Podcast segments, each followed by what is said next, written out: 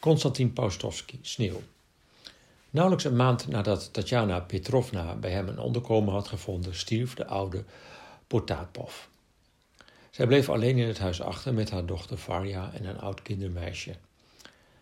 Het kleine, slechts drie kamers huis lag boven op een heuvel aan de noordelijke kant van een rivier en helemaal aan de buitenkant van het stadje. Achter het huis en de kaal geworden tuin schemerde wit een berkenbos. Van ochtends vroeg tot avonds laat krijsten er kauwen die in zwermen boven de kale toppen dwarrelden en slecht weer aankondigden. Tatjana Petrovna was Moskou gewend en kon lange tijd maar niet wennen aan het eenzame stadje met de kleine huisjes, knarsende tuinpoortjes en doodse avonden, gedurende welke je in de petroleumlamp de vlam kon horen knisperen. Wat ben ik toch een stompkop, dacht Tatjana. Waarom ben ik uit Moskou weggegaan en heb ik het theater en mijn vrienden vaarwel gezegd? Ik had in Moskou moeten blijven en Varja bij het kindermeisje in Pushkino laten gaan wonen, want daar had je helemaal geen luchtaanvallen. Hemeltje lief, wat ben ik toch een stompkop. Maar terugkeren naar Moskou kon nu niet meer. Tatjana besloot te gaan optreden in de lazaretten. Er waren er een heleboel in het stadje en die gedachte kalmeerde haar. het stadje begon haar zelfs te bevallen. Vooral toen de winter kwam en het in sneeuw gehuld werd. De dagen waren zacht en grijs. De rivier was nog altijd niet bevroren. Van het groene water steeg damp op. Tatjana Petrovna begon te wennen aan het stadje en aan het vreemde huis met de ontstemde piano en de vergeelde foto's aan de muren waar plompe panzerschepen van de kustverdediging op afgebeeld stonden. De oude Potatov was scheepswerktuigkundige geweest. Op zijn schrijftafel met het verschoten groene laken stond een model van de kruiser Krombojo, waar hij op gevaren had. Varja mocht het model niet aanraken. Ze mocht trouwens helemaal nergens aankomen. Tatjana Petrovna wist dat Potapov een zoon had die momenteel bij de Zwarte Zeevloot diende. Zijn portret stond naast het model van de kruiser op het bureau. Tatjana nam de foto af en toe in haar handen, keek er aandachtig naar en trok haar fijne wenkbrauwen in gedachten verzonken samen. Steeds weer leek het haar alsof ze hem al eens ontmoet had, heel lang geleden, nog voor haar ongelukkig verlopen huwelijk. Maar waar en wanneer? De marineofficier monsterde haar met een kalme, haast spottende blik, alsof hij vroeg: Nou en? Kunt u zich dan echt niet herinneren waar we elkaar ontmoet hebben? Nee, ik kan het me echt niet herinneren, antwoordde Tatjana zacht. Mama, met wie praat je? riep Varja uit de kamer ernaast. Uh, met de piano, antwoordde Tatjana lachend. De winter was al ver gevorderd toen er brieven begonnen binnen te komen op de naam Potapov. Op alle enveloppen stond hetzelfde handschrift. Tatjana legde ze keurig op een stapeltje op het bureau. Op een keer werd ze s'nachts wakker. Door de ramen schemerde mat de sneeuwvlakte. Op de divan sneukte de grijze kater Archiep, nog een erfstuk van Potapov. Tatjana trok snel haar peignoir aan en liep naar Potatovs werkkamer, waar ze een poosje voor het raam bleef staan. Geluidloos vloog een vogel van een boom op, waardoor er sneeuw omlaag dwarrelde. Langzaam kwam deze wit als stof naar beneden en bepoederde de ruiten. Tatjana stak een kaars op het bureau aan, ging in een fauteuil zitten en staarde lang in het vlammetje, dat zelfs niet flakkerde. Toen pakte zij voorzichtig een van de brieven, maakte hem open, keek om zich heen en begon te lezen. Mijn lieve trouwe, las Tatjana. Sinds een maand lig ik in het hospitaal. Het is niet zo'n zware wond en het heelt heel goed. Dus maak je in godsnaam geen zorgen en rook niet sigaret na sigaret. Doe dat alsjeblieft niet. Ik denk vak aan je, pa, las Tatjana verder. Evenals aan ons huis en ons stadje. Het lijkt allemaal zo vreselijk ver weg, net het andere eind van de wereld. Als ik mijn ogen dicht doe, zie ik mij het poortje open doen en de tuin inlopen. Het is winter, alles ligt onder de sneeuw. Maar het paadje naar het oude prieeltje aan het ravijn is geveegd en de seringenstruiken zitten dik onder de rijp. In de kamers knapperen de kachels. Het ruikt naar berkenrook. De piano is eindelijk gestemd en je hebt die gele gedraaide kaarsen die ik uit Leningrad had meegebracht in de kandelaars gezet. En op de piano ligt nog steeds dezelfde muziek. De ouverture van de opera Schoppenvrouw en de romance Liefde voor de oevers van het verre vaderland. Doet de bel boven de deur het nu? Ik had immers geen tijd meer om die te repareren. Zal ik dit alles echt nog eens terugzien? Zal ik echt weer eens het stof van de reis kunnen afspoelen met het vers geputte water uit de lampetkan? Herinner je het nog? Ach, als je eens wist hoe dierbaar mij dit alles hier zo ver van huis geworden is. Je zult me niet geloven, maar ik zeg je in ernst dat ik juist op de verschrikkelijkste momenten van de gevechten dit alles voor mij zag. Ik wist dat ik niet alleen voor ons hele land verdedigde, maar ook dit kleine en voor mij dierbaarste plekje. En daarmee ook jou en onze tuin. En de jochies uit de buurt met hun eigenwijze kuiven en de berkenbossen aan de overkant van de rivier. En zelfs Archiep de Kater. Lach mij er alsjeblieft niet om uit en schud niet je hoofd. Misschien sturen ze mij wel, als ik uit het hospitaal ontslagen word, met kort verlof naar huis. Ik weet het niet, dus reken er maar niet op. Tatjana Petrovna zat nog een hele poos aan tafel met wijd open ogen naar buiten te kijken, waar in het diepe blauw van de nacht de ochtendschemering al begon. Haar bekroopte gedachte dat deze onbekende wel eens zo van de een op de andere dag van het front kon komen en het hem dan bij het betreden van dit huis zwaar zou vallen als hij hier vreemden aantrof en als alles er heel anders uit zou zien dan hij eigenlijk gewild had. De volgende ochtend zei Tatjana Petrova tegen Varja dat zij de houten sneeuwschuiver moest pakken om het paadje naar het prieeltje aan het ravijn sneeuwvrij te maken. Het prieeltje was volledig bouwvallig. De houten zeiltjes waren helemaal verweerd en zaten onder een dikke laag korstmos. De reparatie van de bel boven de deur werd door Tatjana zelf verricht. Er stond een grappig opschrift in relief opgegoten. Binnengaan is de bel vrolijk laten slaan. Tatjana Petrovna raakte de bel aan. Deze begon een hoog geluid te klingelen. Archiep de Kater bewoog gepikeerd met zijn oren en verdween beledigd in de tussenhal. Het vrolijke geluid van de bel was hem blijkbaar te opdringerig. In de loop van de dag kwam Tatjana Petrovna druk pratend met een diepe blos en donkere ogen van opwinding aanzetten met de oude pianostemmer uit het stadje. Hij was een volledig ingeburgerd Tsjech die zich bezighield met het repareren van primussen, oliestelletjes, poppen, trekharmonica's en het stemmen van piano's. Hij had een grappige achternaam Nevidal. Toen hij klaar was, zei hij dat de piano oud was, maar nog een heel goed geluid had. Dat wist Tatjana ook wel zonder hem. Toen hij weg was, wierp Tatjana Petrovna een behoedzame blik in de lade van het bureau, tot zij in een ervan een pak dikke gedraaide kaarsen vond. Zij deed ze in de kandelaars op de piano. Die avond stak zij de kaarsen aan en ging aan de piano zitten en het huis vulde zich met klanken. Toen zij ophield met spelen en de kaarsen uitblies, begon het in de kamers zoet te geuren, als na het doven van de kaarsjes van een kerstboom. Varja kon zich niet langer bedwingen. Waarom zit je aan andermans spullen? zei ze tegen Tatjana. Ik mag dat niet van jou, maar jij zelf zit overal aan. Aan de bel, aan de kaarsen, aan de piano. Je hebt zelfs iemands muziekbladen op de piano gelegd. Omdat ik volwassen ben, antwoordde Tatjana Petrovna. Varja keek haar met gefronste wenkbrauwen ongelovig aan. Tatjana Petrovna leek nu minder dan ooit op een volwassene. Ze leek te stralen en deed denken aan het meisje met de gouden haren dat haar kristallen muiltje in het paleis verloren had. Tatjana Petrovna had Varja er zelf over verteld. In de trein had luitenant Nikolai Potapov al uitgerekend dat het niet langer dan etmaal bij zijn vader kon blijven.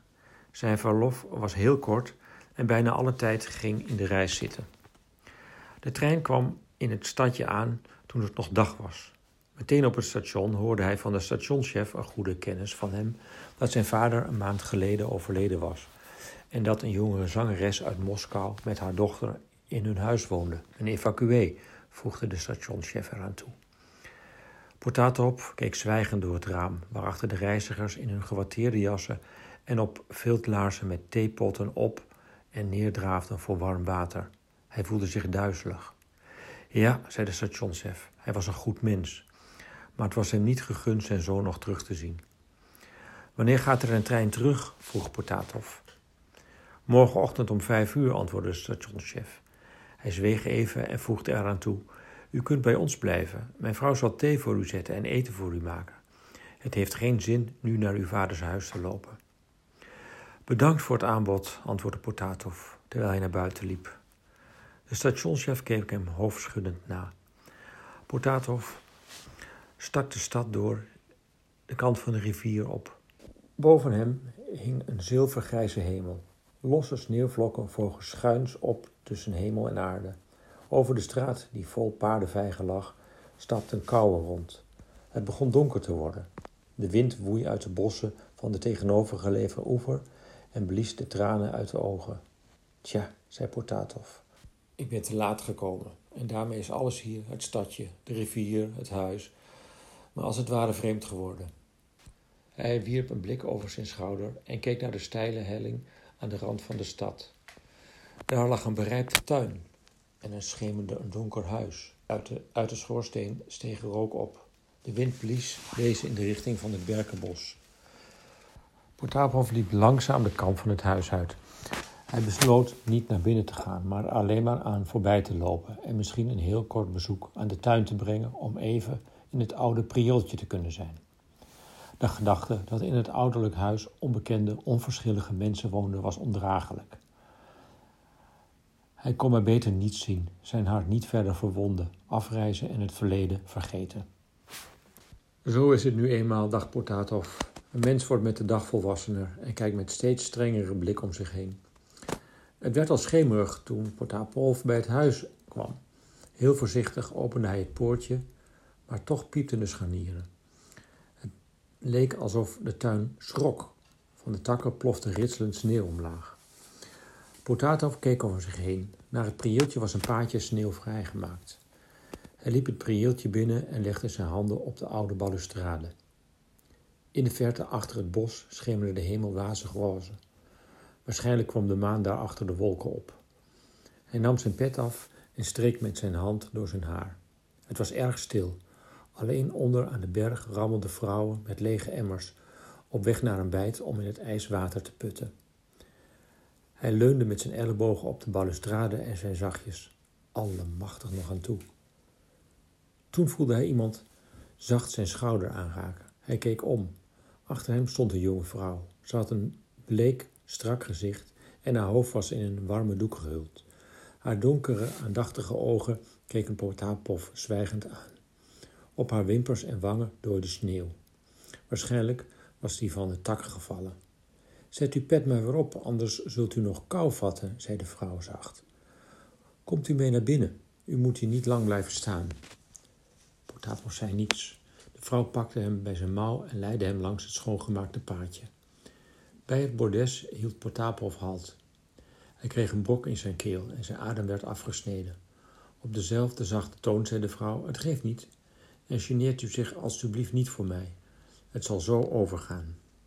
Ze stampte de sneeuw van haar laarsjes. Meteen weer klonk in het voorportaal het rinkelen van de bel boven de deur.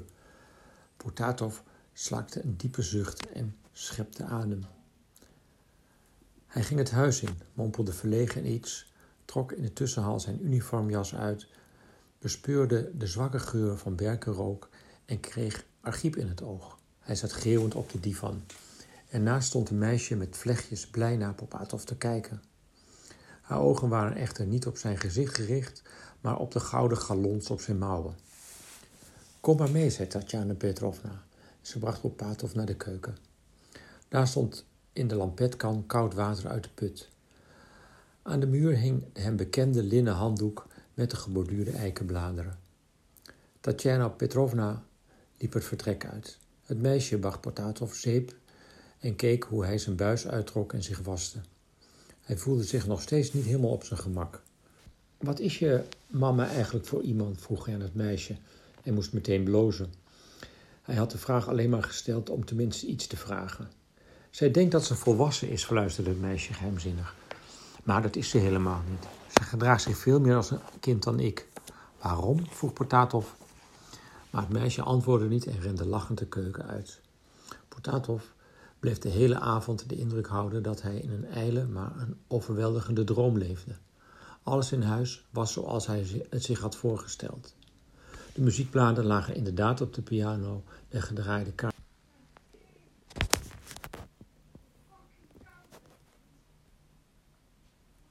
zijn brief uit het hospitaal, met daarbovenop hetzelfde oude kompas dat zijn vader altijd als prespapier had gediend. Na het avondeten ging hij met Tatjana Petrova mee naar het graf van zijn vader, dat achter het berkenbos lag. De nevelige maan stond al hoog aan de hemel. De berken lichtten zwak op in haar schijnsel en wierpen ijle schaduwen op de sneeuw.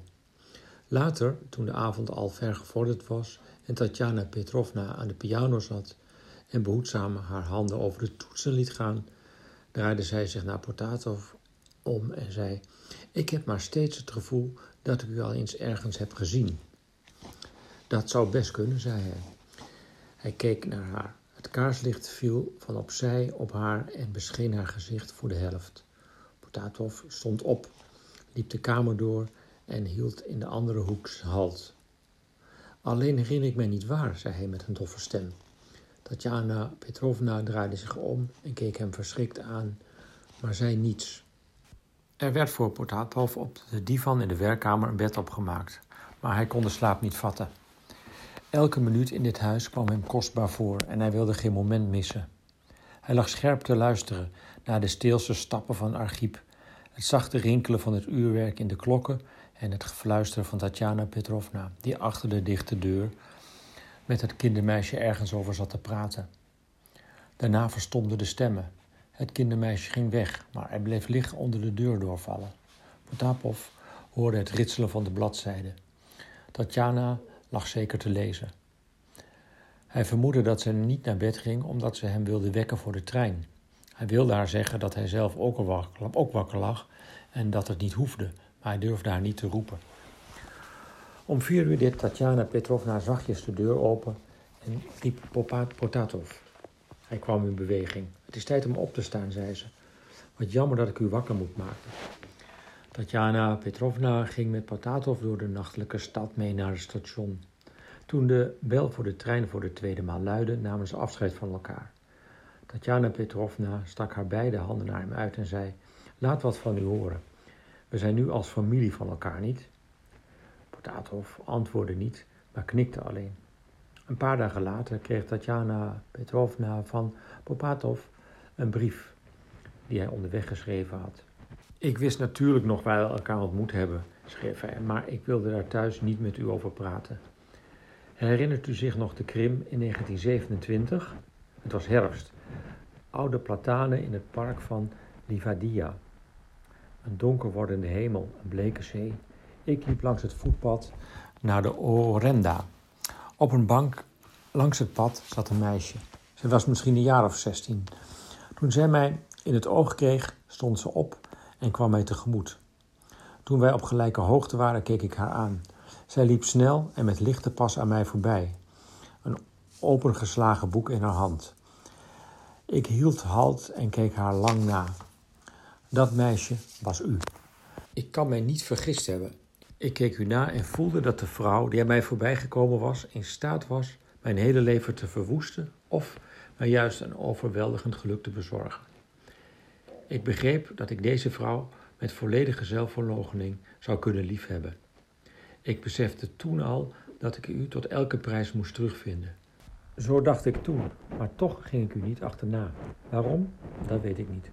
Sindsdien ben ik gaan houden van de Krim en van dat voetpad, waar ik u slechts een ogenblik gezien heb en voorgoed verloor. Maar het leven heeft zich genadig tegenover mij getoond en ik heb u toch ontmoet. En als alles goed afloopt en u mijn leven met mij wilt delen, dan schenk ik het u, uiteraard. Dan nog iets. Ik heb op het bureau van mijn vader een brief van mij gevonden die opengemaakt was. Ik heb alles begrepen en wil u alleen maar, zover bij u vandaan, dank zeggen. Tatjana Petrovna legde de brief weg, keek met omvloerste blik naar de besneeuwde tuin buiten en zei: Hemeltje lief, ik ben nog nooit in de Krim geweest, nog nooit. Maar doet dat er eigenlijk iets toe? Moet ik het hem echt uit het hoofd praten en mezelf ook? Ze moest lachen en sloeg haar hand voor de ogen. Buiten brandde een vage zonsondergang die maar niet wilde doven.